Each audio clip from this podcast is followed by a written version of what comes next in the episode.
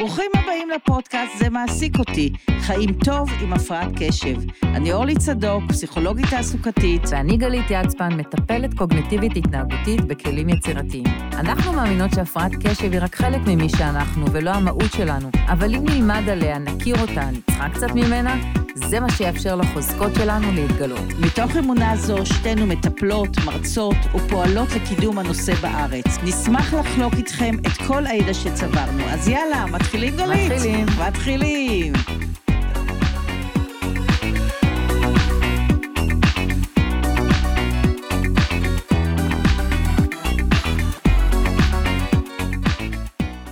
מה העניינים, אורלי? אחלה, מה שלומך? הכל התגעגעתי. בסדר, גם אני תחילת שנה. עוד מעט, עוד מעט. יש לנו קצת חופש, אפשר כן. ליהנות עוד קצת. אבל את יודעת, השומעים שלנו, אנחנו לא יודעים באיזה שלב נמצא אותם. נכון. אבל אם, אם נמצא אותם בשלב של לקראת השנה החדשה, אז סביר להניח שהם עומדים בפני uh, כניסה ללימודים. נכון. ואני לא יודעת אם זו שנה ראשונה או שנייה, אבל לימודים אקדמיים זה עניין. לימודים אקדמיים זה עניין כבד. אני חושבת שזו אחת ההחלטות הכי חשובות שצריך לקבל בחיים. אם, ואם כן מה, לא, לא, לא פשוט. אז זהו, אז עם הפרעת קשב אנחנו פוגשים הרבה מטופלים שהם מאוד מתלבטים איפה ללמוד, מה ללמוד, אם בכלל הם צריכים ללמוד. לאט לאט אנחנו יותר נחשפים לקושי שלהם בכלל להיכנס לאקדמיה, יש להם איזה פחד מ... נכון, מה, מפעם שהם סוחבים. תשמעי, זה לא פשוט. אה, רק אה, השבוע פגשתי מישהו שבאמת הסיפור הזה כל הזמן חוזר. הייתי בלימודים, איכשהו יצאתי מהם בשן, ונשבעתי שבחיים אני לא אחזור לעינוי הזה שהכריחו אותי, ש-12 שנים ישבתי ולמדתי. הלכתי, חזרתי, טיילתי, עוד פעם טיילתי, עבדתי פה, עבדתי שם. לאט לאט החבר'ה שלי מתחילים ככה להתיישב, ואני יושב וחושב, ומה איתי עכשיו? אז זה לומד, וההוא לומד, ו- ו- וזה לומד, ואני מרגיש שאם אני, זה כמו להתנדב לחזור לבית סוהר. זה כמו, היה לי ממש. מחנה עינויים, ואני בהתנדבות קם בבוקר, בקושי ניצלתי ממנו, ועכשיו בהתנדבות אני חוזר למחנה אימונים. למה לי? למה אני צריך לעשות את זה? מה, אני השתגעתי? ומצד שני, מה האלטרנטיבה? הרבה פעמים בסביבות מסוימות מרגישים שאין אלטרנטיבה. נכון. וזה כל מה שאפשר לעשות. תמיד מכרסם, אני פוגשת הרבה מבוגרים שהם יכולים מאוד להצליח, ותהיה להם תעסוקה שהם מאוד שלמים, שלמה, ש- ש- שהם מאוד... אה, שלמים איתה. מאוד שלמים איתה, אבל יש להם איזה משהו מכרסם, שהם לא מרגישים שווים כי הם לא עשו את התואר הראשון מהמם. אפילו. הם הצליחו, נכון, אבל זה שהם לא הצליחו לעבור או לא בחרו בלימודים אקדמיים, זה תמיד יושב שם, וזה גורם להם להרגיש קצת פחות מאחרים. אני באמת אה, פוגשת גם כאלה בבלגי ה-50 ואפילו ה-60 וה-60 פלוס, שהרבה פעמים עשו כל מיני עבודות, הסתמכו יותר על היזמות שלהם, על האנרגיה שלהם, על היכולת שלהם לזוז ו- ו- ורעיונות מאוד יצירתיים, אבל יש שלב שכבר צריך דבר אחר, והבור הזה שנשאר, שלא למדתי, שאין משהו שהוא שלי, שרכשתי את זה מיומנות מאוד מאוד ברורה שאני יכול להישען עליה, הוא בהחלט שם. אז אה, קל להתחמק בזה יותר שאתה צעיר, אבל זה דבר שיכול ללוות אותך לטווח הארוך, וכדאי לחשוב טוב טוב, לפני שמוותרים על זה, האם כדאי לוותר, לא כדאי לוותר, מה המשמעות של הדבר הזה, ומצד שני, ברור, איך אני אעבוד ואעשה משהו שכל כך משעמם אותי, כל כך מענה אותי, וכל כך לא מהנה אותי, וזה עכשיו השלב של הבחירה, אני רוצה לבחור משהו שבאמת מתאים לי. אז מדובר באמת על קונפליקט מאוד מאוד רציני.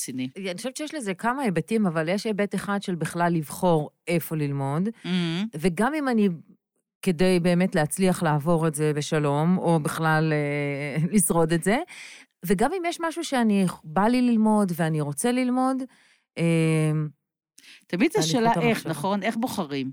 איך בוחרים? אני לא, בוחרת לא, כי מה ההורים שרציתי שלי... להגיד, כן, נזכרתי, אוקיי, נזכרתי. כן, אה, אוקיי. הפרעת נזכרתי, קשב, כזה נזכרתי. יופי. היה לי מין איזה נתק כזה. כן. אה, שגם אם אני בוחר, מה שקורה עם הפרעת קשב, גם אם בחרתי מקצוע שאני נורא בא לי עליו וחלמתי עליו, וזה תחום. עניין שלי, שסוף סוף באקדמיה, אה, לעומת בית ספר, אני יכול לבחור להתמקצע בדבר. הזה שאני אוהב. אנשים עם הפרעת קשב, על זה אנחנו נדבר היום, אה, ייתקלו באותן בעיות או בעיות לגמרי. דומות שהיו להם בבית ספר, למרות שזה תחום שהם בחרו ללמוד, ולמרות שהוא חלם כן ללמוד אדריכלות, או כן ללמוד הנדסת תעשייה וניהול, ולא משנה, או אפילו אה, משפטים. אם כבר יש לו את האומץ ו- והוא חושב לחזור לאקדמיה, עדיין הפרעת הקשב תפגוש אותו באקדמיה. לגמרי. תגיד לו, אני פה, נעים מאוד, והיום אנחנו קצת נכיר את ה... כן, עוד פעם נכיר היום את התחומים. שהפרעת הקשב פוגשת אותנו גם באקדמיה. לפני זה להגיד, חשוב להגיד משהו, חש, משהו שאני נתקלת בו גם. לא חייבים ללמוד. אני צריך, כלומר, אני חושבת שחשוב ללמוד, לא חייבים באקדמיה. אם באמת אני הולך ושום דבר לא בא לי, ורק אמרה לי, ויש דברים אחרים שמושכים אותי, mm-hmm. אולי הנדסאי בניין, אולי התחום הזה של חוץ וטבע, אולי טיפול אלטרנטיבי, אולי דברים אחרים, לתת לזה מקום. ושם הרבה פעמים שהלימודים היא שהם יותר קצרים, ותוך כדי עשייה, הם יכולים להיות יותר... אה, זה גם אקדמיה, אבל זה אקדמיה אחרת. כן. זאת אומרת, לא חייבים ללמוד באוניברסיטאות... אה, נכון, ב... זה לא לימודים אקדמיים, זה גם לימודים, אבל לא אקדמיים. לא, ו... זה לימודים אקדמיים, אורלי.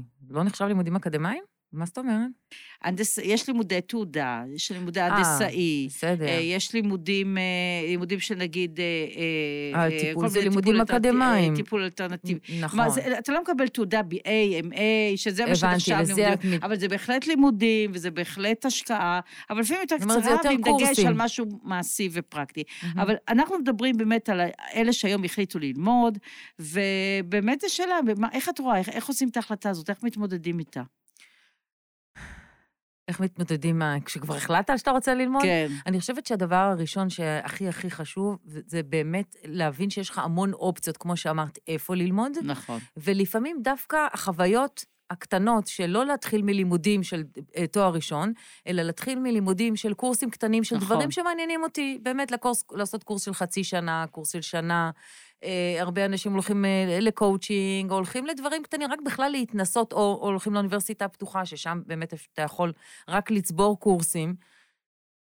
עצם ההתנסות הזאת, ולהבין שאני יכול להגיע למקום הזה ממקום אחר, מתחיל לפתוח את התיאבון ומתחילה להתגבש האמונה שוואלה, אם הצלחתי לעבור את זה, אני כבר יכול. זאת עצה מצוינת. אני, אני באמת הרבה נותנת תטעם, כי תמיד הדבר הגדול הזה, והתחייבתי, וזה טוטאלי, וזה כל יום, מה יהיה עם זה, זה יכול מאוד מאוד להפחיד. אז באמת תעשה טעימות, הטעימות אפילו רק לקרוא על התחום, או רק לראיין מישהו על התחום, או באמת, כמו שאת אומרת, לקחת קורס קטן או קורס התחלתי. נכון. למשל, אם אני רוצה להיות מורה לחינוך גופני, אני יכול לקחת קורס באימון אישי.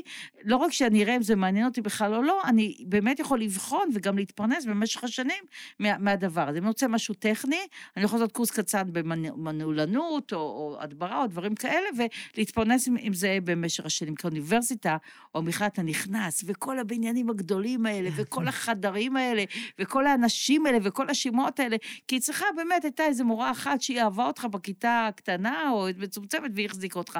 ועכשיו מי יחזיק אותי בתוך הבלאגן הזה? וגם זה תהליך מאוד ארוך, ושלוש שנים, והרבה פעמים הם כבר לא התחילו ללמוד כמו כולם, ואז הם כבר עובדים, ויש להם ילדים, ויש להם uh, גם את העול של הפרנסה, והם אומרים, איך אני יכול להתחייב עכשיו לשלוש שנים? נכון. זה הופך להיות, גם הרבה פעמים דוחים את זה, כמו דברים אחרים. לא, לדחיות הזאת יש לה כן. הרבה משמעות, כי כשדוחים גם דברים במשימות החיים, משימה אחת של, נגיד, הקמת משפחה, מתלבשת על המשימה נכון. של הלימודים. דווקא בעניין הזה למדתי המון, אני עובדת עם חבר'ה חרדים, ולמדתי עם המון. הם עושים לימודים ועבודה, ותוך כדי ילדים, ולא אחד ולא שניים, ושלושה וארבעה, הסתכלתי עליהם ואומרים, וואלה, מה שחשבתי לא אפשרי, אולי הוא אפשרי. ואז באמת לפתוח, אני, אמרת מילה מאוד מאוד חשובה בעיניי, אמרת מילה אופציות, כי בבית ספר לא היה לי אופציות. נכון. או מקסימום בין הכיתה הזאת לכיתה הזאת. פה יש המון המון אופציות ואני יכול לבחור, וזה הרגשה מאוד חשובה. יש אופציות, ויש כאלה שיותר מתאימות, ויש כאלה שפחות מתאימות, ואפשר לבחור. אפשר לבחור את הקצב של הלימודים, את התחום, את המוסד, הרבה דברים. אני חושבת שהמסר המאוד חשוב, קודם כל, אני לא מוותר על זה, mm-hmm. ואני יכול להגיע לזה בדרכים אחרות. זה כן. בסדר להגיע לתואר הראשון, או לתואר השני, בדרכים עקלקלות אחרות. לגמרי. אנשים מוצאים כל מיני דרכים ועיקופים, mm-hmm. כדי, ובסוף הם יכולים רק בגיל 40 להגיד, אה, מראש הייתי צריך ללמוד פסיכולוגיה, אבל לא הלכתי לזה, אבל עכשיו אני כבר מרגיש מוכן, עכשיו נכון. אני כבר. יודע שאני יכול, כי יש משהו בשטח שכבר הראה לו שהוא יכול, שהוא מסוגל, הוא באמת, הוא כבר מתחיל לשכוח את הצלקות מבית כן. ספר, ומתחילים להצטבר חוויות טובות. אז זה בסדר לעשות את זה בדרכים אחרות. היום גם יש המון דרכים. פקולטות, ויש המון בתי ספר, יש המון אופציות. ויש הרבה דרכים. בואו נדבר על מסלולים, על הדרכים. קודם כל, יש מה שנקרא מסלול מעבר, שאתה יכול להתחיל אה, באוניברסיטה הפתוחה או במכללה, ואחרי זה לעבור לאוניברסיטה, אם במידה והשגת מעל ציון מסוים.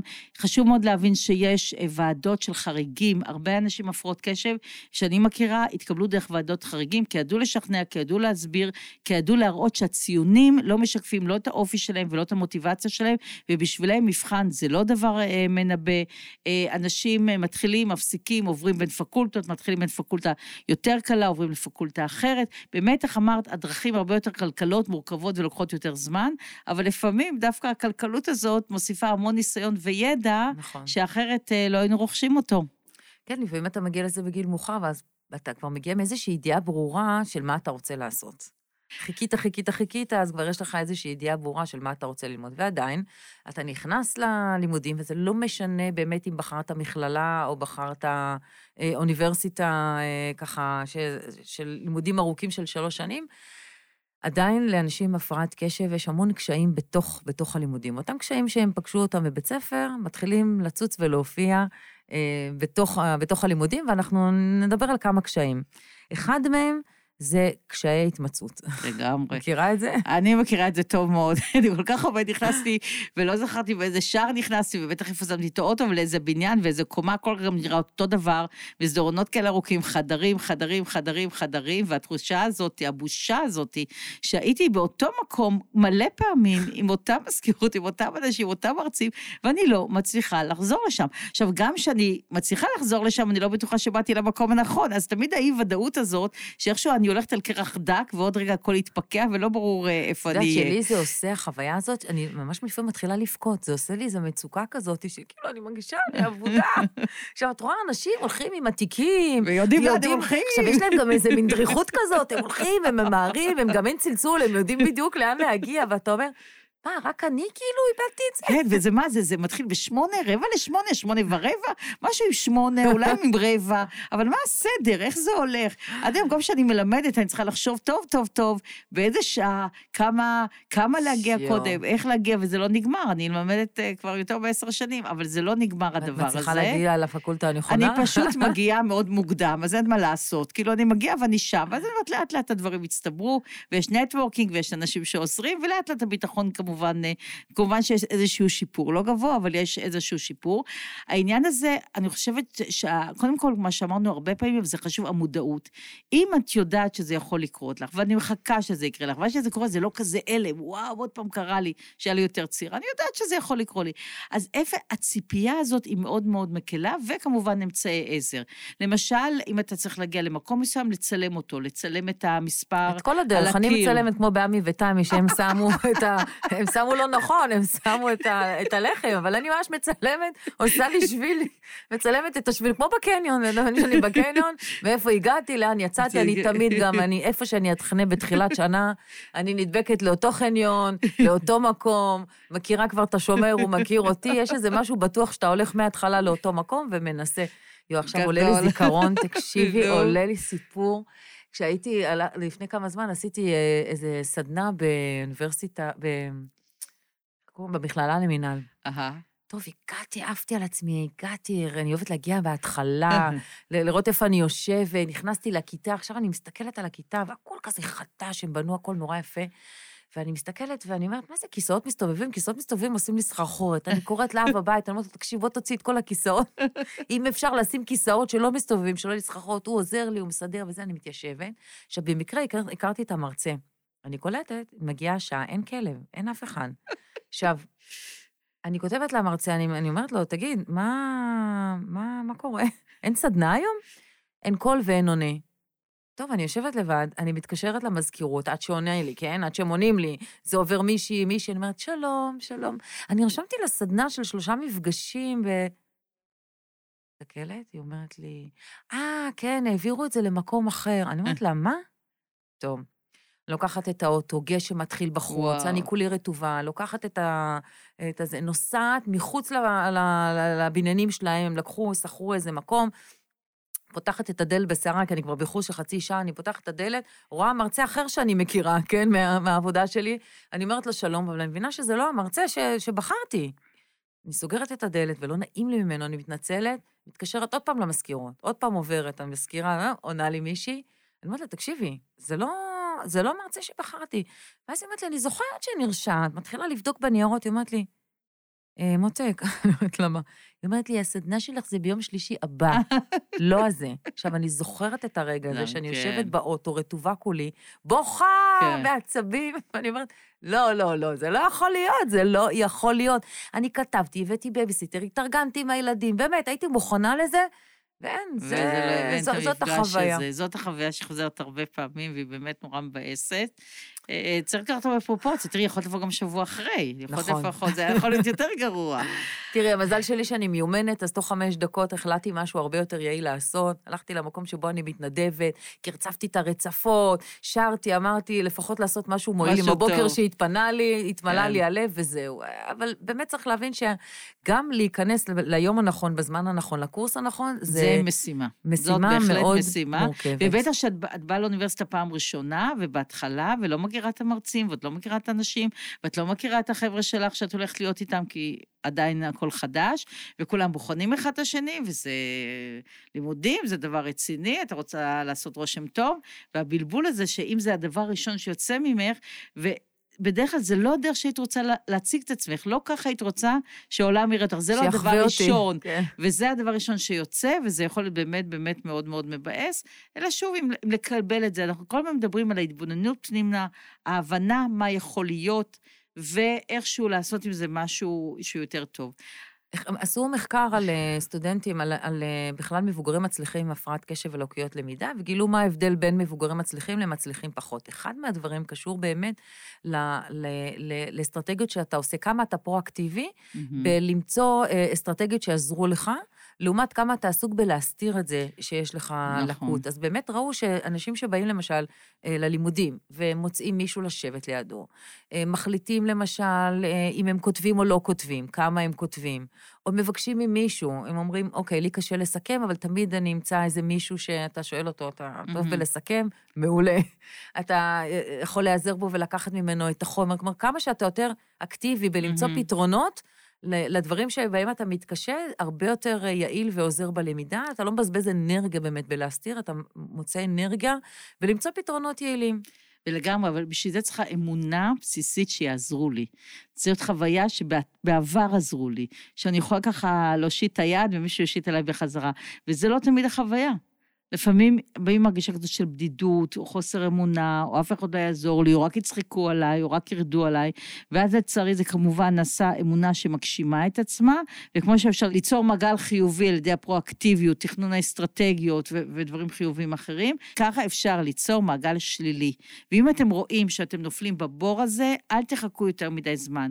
הרבה פעמים יכולים אנשים לבוא אליי ולהגיד, "הי- אני בהלם מהסמסטר הראשון, עכשיו כבר סוף שנה, אני לא יודע מה לעשות. אפשר אחרי חודש לראות שלא הולך, הכל תקוע, שום דבר לא? זז, ויאללה, מה עושים? אז בוא ניתן כמה. רעיונות למה אפשר לעשות בתוך הכיתה. למשל, מה אפשר לעשות כשהמרצה מדבר ואני לא בן אדם שמיומן בכתיבה, מהמם. או כשאני כותב אני הולך לאיבוד? מה אני יכול לעשות? אז קודם כל להבין שלשבת בכיתה בצורה פסיבית ולעקוב אחרי דברים שמישהו אחר אומר, זה אחת המשימות הכי קשות נכון. בעולם להפרעות קשב. אבל אז- אם אני לא בן אדם שרגיל לכתוב, או אני למשל, אם מישהו יכתוב לידי, את מכירה את אלה שבאים עם הלפטופים? וכל כן. מה שאני שומעת בשיעור זה את הטיק טיק טיק טיק של... טיק, טיק, טיק, טיק. לא, לא, לא, אני יכולה למות מזה, למות. אני יכולה לרצוח אותי. בדמיון שלי, אני רואה איך הידיים שלי, אני כבר לא שומעת את המרצה, אני רואה את הידיים שלי ככה נהיות סביב הצוואר של זה שמקליד, אז אני לוקחת מקום רחוק. רחוק, אני אחר. בודקת, אני עושה כן. סקירה, אני אומרת איפה כל אלה שבאים במחשב להקליד, אני יושבת הכי רחוק מהם. אז זה דבר ראשון, תבחר את המקום שלך, תבחרי את המקום שלך. קרוב, רחוק, בדרך כלל קרוב זה יותר טוב, כי אז כל הגירויים הוויזואליים הם מאחוריי, ואני שומעת את המרצה יותר טוב, אני עושה איזה דמות יותר חזקה, והרקע יותר, יותר הולך אחורה, ואפשר uh, לעשות את זה, אבל יש אנשים שלא נוח להם קרוב, כי הם צריכים לתופף ולעשות כל מיני דברים, ולא רוצים. שיראו אותם. תנסו כמה... לא, מצחיק אותי, אני נזכרת איך בתור ילדה.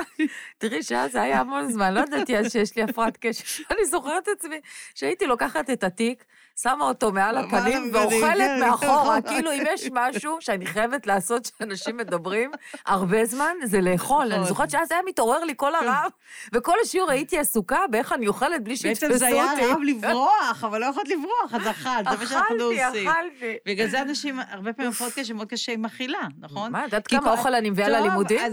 זה, אוכלים, עצוב אוכלים, משעמם אוכלים, מתעצבנים אוכלים. עייפים אוכלים, שמחים אוכלים, לא לומדים חשוב מה, לימודים אוכלים, כל דבר כזה, ואז זה באמת, אה, אולי תגמור את הלימודים, אבל אפשר לגמור עוד כמה דברים בדרך. עם עוד איזה... אבל לא ניתן להפרעת קשב לנהל אותנו, ואנחנו נחזור לנושא. אז הנושא שלנו זה התנהלות בכיתה. בתוך כיתה. והעניין איפה, לשבת. אחר כך באמת העניין של לקלוט את החומר. אפשר לוותר ולקלוט לפרקים, ואחר כך, אה, ואחר כך איכשהו להשלים. אפשר להשתמש, נגיד, ברמקול, רמקול אלחוטי שאתם שמים על המרצה, עם אוזניות אלחוטיות, ואז אתם שומעים אותו בתוך האוזן, וזה גם מנטרל את הרעשים החיצוניים. רגע, אורלי, זה מורכב מה שאמרת עכשיו. בוא נפרק את אני זה. רגילה לקחת את ה... אני רגילה לקחת מכשיר הקלטה, ולשים. ולבקש מהמרצה לשים את זה על השולחן. זה אופציה, משהו... בעיקר, בעיקר אם הוא לא זז, אבל אין הרבה כאלה שנשארות במקום, ואת יודעת שומעת ככה. יש מה שלוקחים רמקול אלחוטי, ללא חוט, מבקשים ממנו יפה, הוא שם על דש הבגד, זה קטן, הוא לא מפריע לו. אוזניות אלחוטיות, לא מפריע לאף אחד, וגם את שומעת אותו יותר טוב, וגם זה מנטרל לך את כל רעשי הרקע. זה סטארט-אפ, בזמני זה לא היה. זה רק כן, הטכנולוגיה התקדמה, אז, אז זה אופציה אחת, ואפשר כמובן, הכל כרוך בסינגור עצמי, בבקשה, בהסבר, אה, להבין למה עושים את זה, אה, ולגבי זה אפשר גם להיעזר בצוות, אחר כך נדבר על מרכזי, על מרכזי התמיכה. אפשר, צריך להחליט מה כותבים, לא כותבים בכלל, ואז אולי אני עף במחשבות, אני כותב רק את הכותרות, ואז אחר כך אני משלים.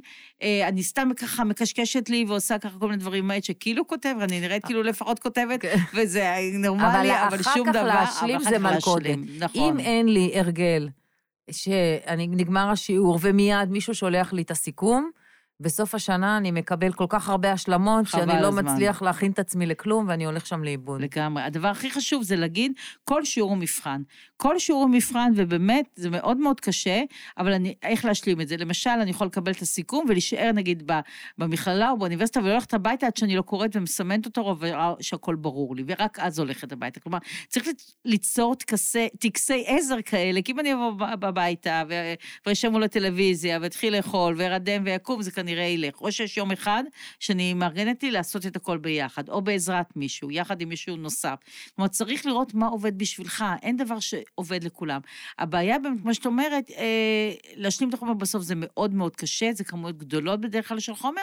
שוב, אלא אם כן אתה בנוי לזה, יש כאלה שבנויים למרתון, לוקחים שבוע, שבועיים, יום. לילה, יושבים, לא אוכלים, אחר כך יוצאים לחופש, ועושים מרתונים. אבל, אבל צריך להבין שהמרתון שהספיק לך בדרך כלל בתיכון, הוא לא יספיק לך פה. כן. בדרך כלל אתה צריך הרבה יותר, הרבה יותר חומר. שוב, ניסוי וטעייה, ולראות שהלבד לא עובד.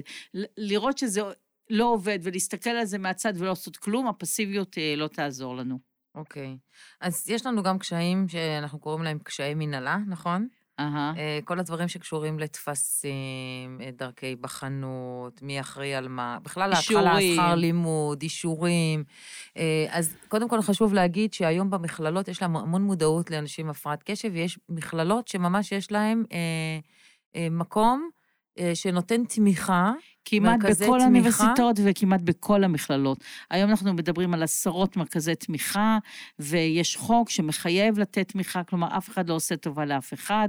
החוק מחייב, אה, זה גם חוק של שוויון אנשים עם מוגבלויות, וגם חוק של, חוק של תלמידים, והדברים האלה מחייבים. אז קודם כל, תבין שאתה יכול, כל אחד מאיתנו יכול לבוא בראש מורה, ובאמת לקבל את ההתאמות. זה לא הקלות, חשוב להבין. לא, זה לא הקלות, זה, זה עזרה. זה אפילו, יש אוניברסיטאות שעוזרים לתלמיד מהרגע שהוא אפילו רוצה להירשם. זאת אומרת, כן. הוא אומר, אתה רוצה עזרה בטפסים, כי על זה הרבה פעמים נופלים, על הטפסים. נכון. אני רוצה להירשם, אבל להתחיל להוריד את זה, ולמלא את זה, ולהביא המלצות. ו... הם ממש עוזרים מההתחלה בלמלא mm-hmm. את הטפסים ולהגיש אותם. זאת אומרת, אם אתה יודע שיש לך הפרעת קשב, ואתה כבר מראש הולך למרכז תמיכה, אתה יכול לקבל עזרה גם בדברים שלכאורה נראים לך קטנים שאתה אמור לעשות אותם, אבל בשביל אנשים הפרעת קשב הם גדולים ומשמעותיים ומפריעים, אז לא נכון. לא להתבייש להיעזר בזה.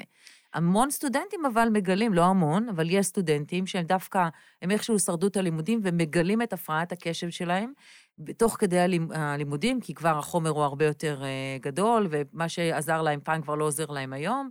הם יכולים להיות מחוננים ומצטיינים ועדיין עם הפרעת קשב, אין לזה שום קשר לכמה הלימודים שלך גבוהים ומה ה-IQ שלך, ולכן חשוב לעצור בזמן וללכת, כן, ללכת למרכזים האלה, לקבל ייעוץ, איך אני, אה, אה, אה, על אבחון שאני צריך לעשות. איזה אבחונים מקבלים, כי הם לא מקבלים את כל צורות נכון. האבחון, וללכת על ההתחלה.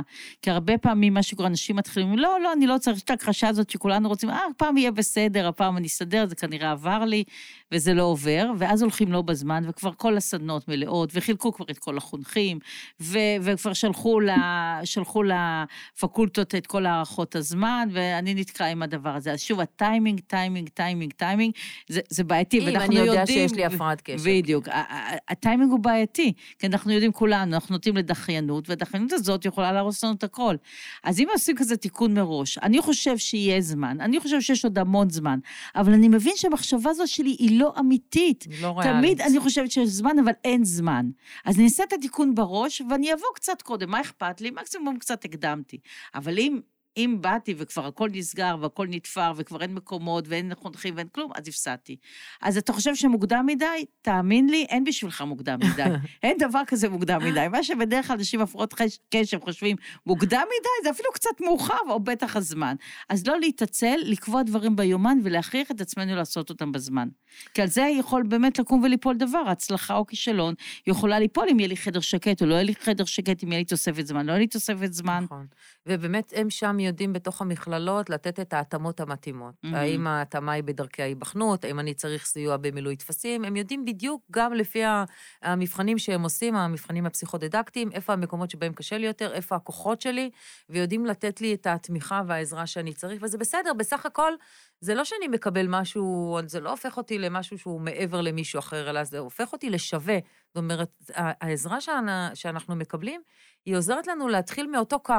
זה כמו שבאמת עיוור בא למכללה או לאוניברסיטה עם כלב, וזה לא, אחרים לא יכולים לבוא, אבל הוא יכול וזה בסדר גמור. גם ככה הוא לא מתמצא כמו מישהו שרואה. כלומר, גם התיקון הזה לא שם אותו במקומות שאנשים עם הפרעת קשב, אה, בלי הפרעת קשב. אבל הדבר הזה הוא חשוב כדי לתת צ'אנס אמיתי. עכשיו, חשוב להבין שיש שם באמת חונכים ויש סדנאות ולחרדת בחינות שאולי נכון. נרחיב את זה בפעם אחרת, ויש אה, גם טיפול אישי, ויש עזרה, יש המון סוגי תמיכה שכדאי מאוד להיעזר בה. נכון, מאוד מאוד חשוב, כדי לא לוותר. אה, קשיים בהיבחנות, אנחנו נגיד על זה טיפה, כן? אז ככה, אז הקשיים בהיבחנות זה גם העניין הזה שאנחנו אמרנו, אנחנו צריכים לפעמים תוספת זמן וחדר שקט, וגם עצם הבחינה עצמה. כמה פעמים אנחנו קוראים את ההוראה ובכלל זה נראה לנו הוראה אחרת. כמה פעמים אנחנו נכנסים לתוך שאלה, נסחפים וממש כותבים את הכל בפירוט, ופתאום וואו, נשאר עוד חמש דקות ויש לי עוד חמש שאלות. אז כל העניין של תכנון זמן הוא מאוד חשוב, ממש אפילו להביא, להביא איזה שעון כזה שמצלצל כזה בשקט, אה, שרוטט אה, ואומר לי את הזמן לעבור משאלה לשאלה, לכתוב ראשי פרקים, לשאול את, ה, את המרצה או לשאול את הבוחן, את הבוחן, האם זה, ככה הבנתי את השאלה, אל תגידי לי את התשובה, רק לוודא, זה מה שאתם רוצים, זה הסעיפים, צריך לענות על השאלה, על הדבר הזה והזה, לוודא שקראתי נכון, לקרוא לעצמי גם, להגיד את עצמי בעל פה, לכתוב את השאלה במילים שלי, כי הרבה פעמים שוב, רוצים אדגם והסבר, דילגתי על, האד, על האדגם, כן. ואז אני רק אסבר, וחצי שנה הלכה לי שמה. אני, אני, אני חושבת שהמון אנשים הם בטראומה של אה, בחינות. ויש כאלה שממש יבחרו את מקום הלימודים שלהם, ואם המקום לימודים מתבסס יותר על עבודות, וזה יותר מתאים עבורם... אחלה. אחלה, מעולה. באמת. זאת אומרת, לא באמת חייבים כל הזמן לעבור את, ה, את הלחץ הזה של בחינה. יש פקולטות שהבינו שבחינה היא לא הדרך היחידית אה, אה, לגלות כן. את הידע שלך. והם באמת מסתמכים יותר על, אה, על עבודות, mm-hmm. על עבודות סמינריוניות, ויש אנשים שזה יותר טבעי להם, יותר קל להם, הם יכולים לעשות את זה בזמן שלהם. יש מקומות שלהם. יותר גמישים, יש מקומות פחות גמישים. אנחנו באמת, השיקולים בבחירת המקום הרבה פעמים... אה, הם יהיו לפעמים כזה, קרוב לבית, רחוק מהבית, השם שלו, אנחנו, אני חושבת ששתינו מסכימות על זה, מציעות, קחו את זה כשיקול מאוד מרכזי. אם יש מרכז תמיכה פעיל, אם יש גמישות במקום, מבחינתכם, מבחינתכם זה יכול להיות מקום קריטי. נכון. אם תגמרו או לא, ותשימו את זה שיקול מרכזי, גם אם לפעמים צריך לנסוע אולי קצת יותר רחוק, או, או המקום נחשב ככה, או נחשב ככה, זה משני לעניין הזה, אם אין לכם את התמיכה שאתם צריכים כדי באמת לסיים את הלימודים. נכון, זה משהו מאוד מה שחשוב להגיד, הרבה פעמים לפני הסוף, פתאום נמאס אה, לי. הסמסטר האחרון, אין לי כוח, לא בא לי, לא לא בא לי. מעניין אותי, אין לי חשק. אין, עכשיו, הסוף לכולם, זה הדבר הכי קשה. הסוף הוא בא בדרך כלל אחרי הסוף, אחרי הסוף של הכוחות שלי, נכון. אחרי הסוף שאני, אז יש עוד. עכשיו, רוב האנשים נמאס להם לקראת הסוף, אבל הם יודעים שהם צריכים לשבת, ויש משמעת עצמי, ורואים את העתיד, רוב והשקיעו כל האנשים- כך הרבה. רוב האנשים הפרעת קשב. נמאס לי, קמתי ועלה, אימפולסיביות, כן. נמאס לי, אז לא עשיתי. היה לי עוד רק לכתוב את הסיום של עבודה העבודה, אחת. לא הגשתי, רק עבודה אחת, בגלל זה לא גמרתי. אני שומעת את הסיפורים האלה אחרי שנים, באמת, נקרא לי הלב. כי זה באמת פשוט רק עוד דבר לי אחד. הלב, כי זה דבר אחד קטן שמהווה אחר כך חסם רציני. אז חבר'ה, לא ליפול לבור הזה. אז מה עושים, אורלי? תבקשו מכולם שידנדו לכם. בגלל זה יש מרכז תמיכה, דרך אגב, שיכול לעזור לכם לסיים עם חונך. כן. אה, חבר, חברה, הורים, בת זוג, מישהו שינדנד וישב לכם על הראש. תמצאו דרך להכריח את עצמכם, לנסוע לכמה ימים לאיזה מקום, לשבת לבד עם עצמכם, להבטיח לכם פרס אחר כך, אה, לא להתחיל, הפיתוי הזה, אני רוצה לעבור מקום עבודה, או להתחיל משהו חדש, לא להתחיל אותו עד שאני לא מסיים. הגירוי זה להתחיל דבר חדש, בלי לי. לסיים את הדבר הקודם, כי כבר נמאס לי, כי הראש שלי לגמרי במקום אחר. ושוב, ההווה משתלט, עכשיו נמאס לי, ולא לחשוב על תוצאות בעתיד, וזה יכול להיות ממש הרסני. אז בעצם אז להביא את חבר'ה, העתיד. לשים לב, לשים לב, להביא את העתיד ולדמיין שאני כבר אחרי, איך אני ארגיש אחרי. במקום להיתקע בתחושות הלא נעימות כן. שנמאס לי, להגיד, אוקיי, מה יקרה כשאני אסיים? איך אני ארגיש? לדמיין את עצמי כבר בסוף התואר, רעיון מקבל את נהדר. התעודה, שם את הכובע, ההורים שלי באים לטקס, כאילו, אני חושבת שזה, המחשבות על העתיד בצורה כזאת שאני כבר מדמיין את עצמי כאילו כבר הצלחתי, מביאות אותי להיות במקום, להתנהג כאילו כבר זה קרה. זה רעיון נהדר. ואז המוח לא מבדיל בין דמיון למציאות. אם הצלחתי לדמיין את זה, הגוף שלי נכנס לאיזושהי הרפאה ואומר, וואלה, אני כבר אחרי זה. ואם אני אחרי רעיון. זה, אז יש אני לי... אאמץ אה, אותו. את מאמצת, את סיימת הכל, אורלי. בקושי, את יודעת כמה לקח לי את. האמת, שמונה. שנים לקח לי. אני, זה קטע, זה קטע מדהים. אני, אני, אני מכירה כל כך הרבה אנשים של, שהם אמרו, עברנו אה, ארבע, ארבע פקולטות ועוד לא סיימנו תואר ראשון. כן. אני, יש משהו בלימודים שיש לי, ממש, כאילו, זה נכנס לי פנימה שאני חייבת לסיים. אני לא. מצליחה להחזיק את זה, שעשיתי משהו, השקעתי שלוש שנים ולא סיימתי, זה יש לך מנקר מזל, לי. קיבלת חינוך טוב. כן. אז מה היה לנו פה? א', הלימודים זה שלב מאוד חשוב בחיים, זה קובע הרבה מאוד מהמוביליות החברתית לעתיד שלכם, ואם לא לימודים אקדמיים זה גם בסדר, אבל תחשבו על רכישת מקצוע, אם אתם צריכים יותר בשטח זה גם טוב, תתכוננו. יש קשיים, גם קשיים מרחביים, גם קשיים מנהליים, גם קשיים בלשבת בכיתה וללמוד, וגם בקשיים בחנות, אבל אתם לא לבד. יש אסטרטגיות, יש מה לעשות, יש מרכזי יש למידה. פתרונות, יש מרכזים, יש מי שיעזור לכם. לא להרים ידיים, אתם יכולים לעשות את זה, ואתם מוזמנים לספר לנו איך. תראה. להתראה, ביי.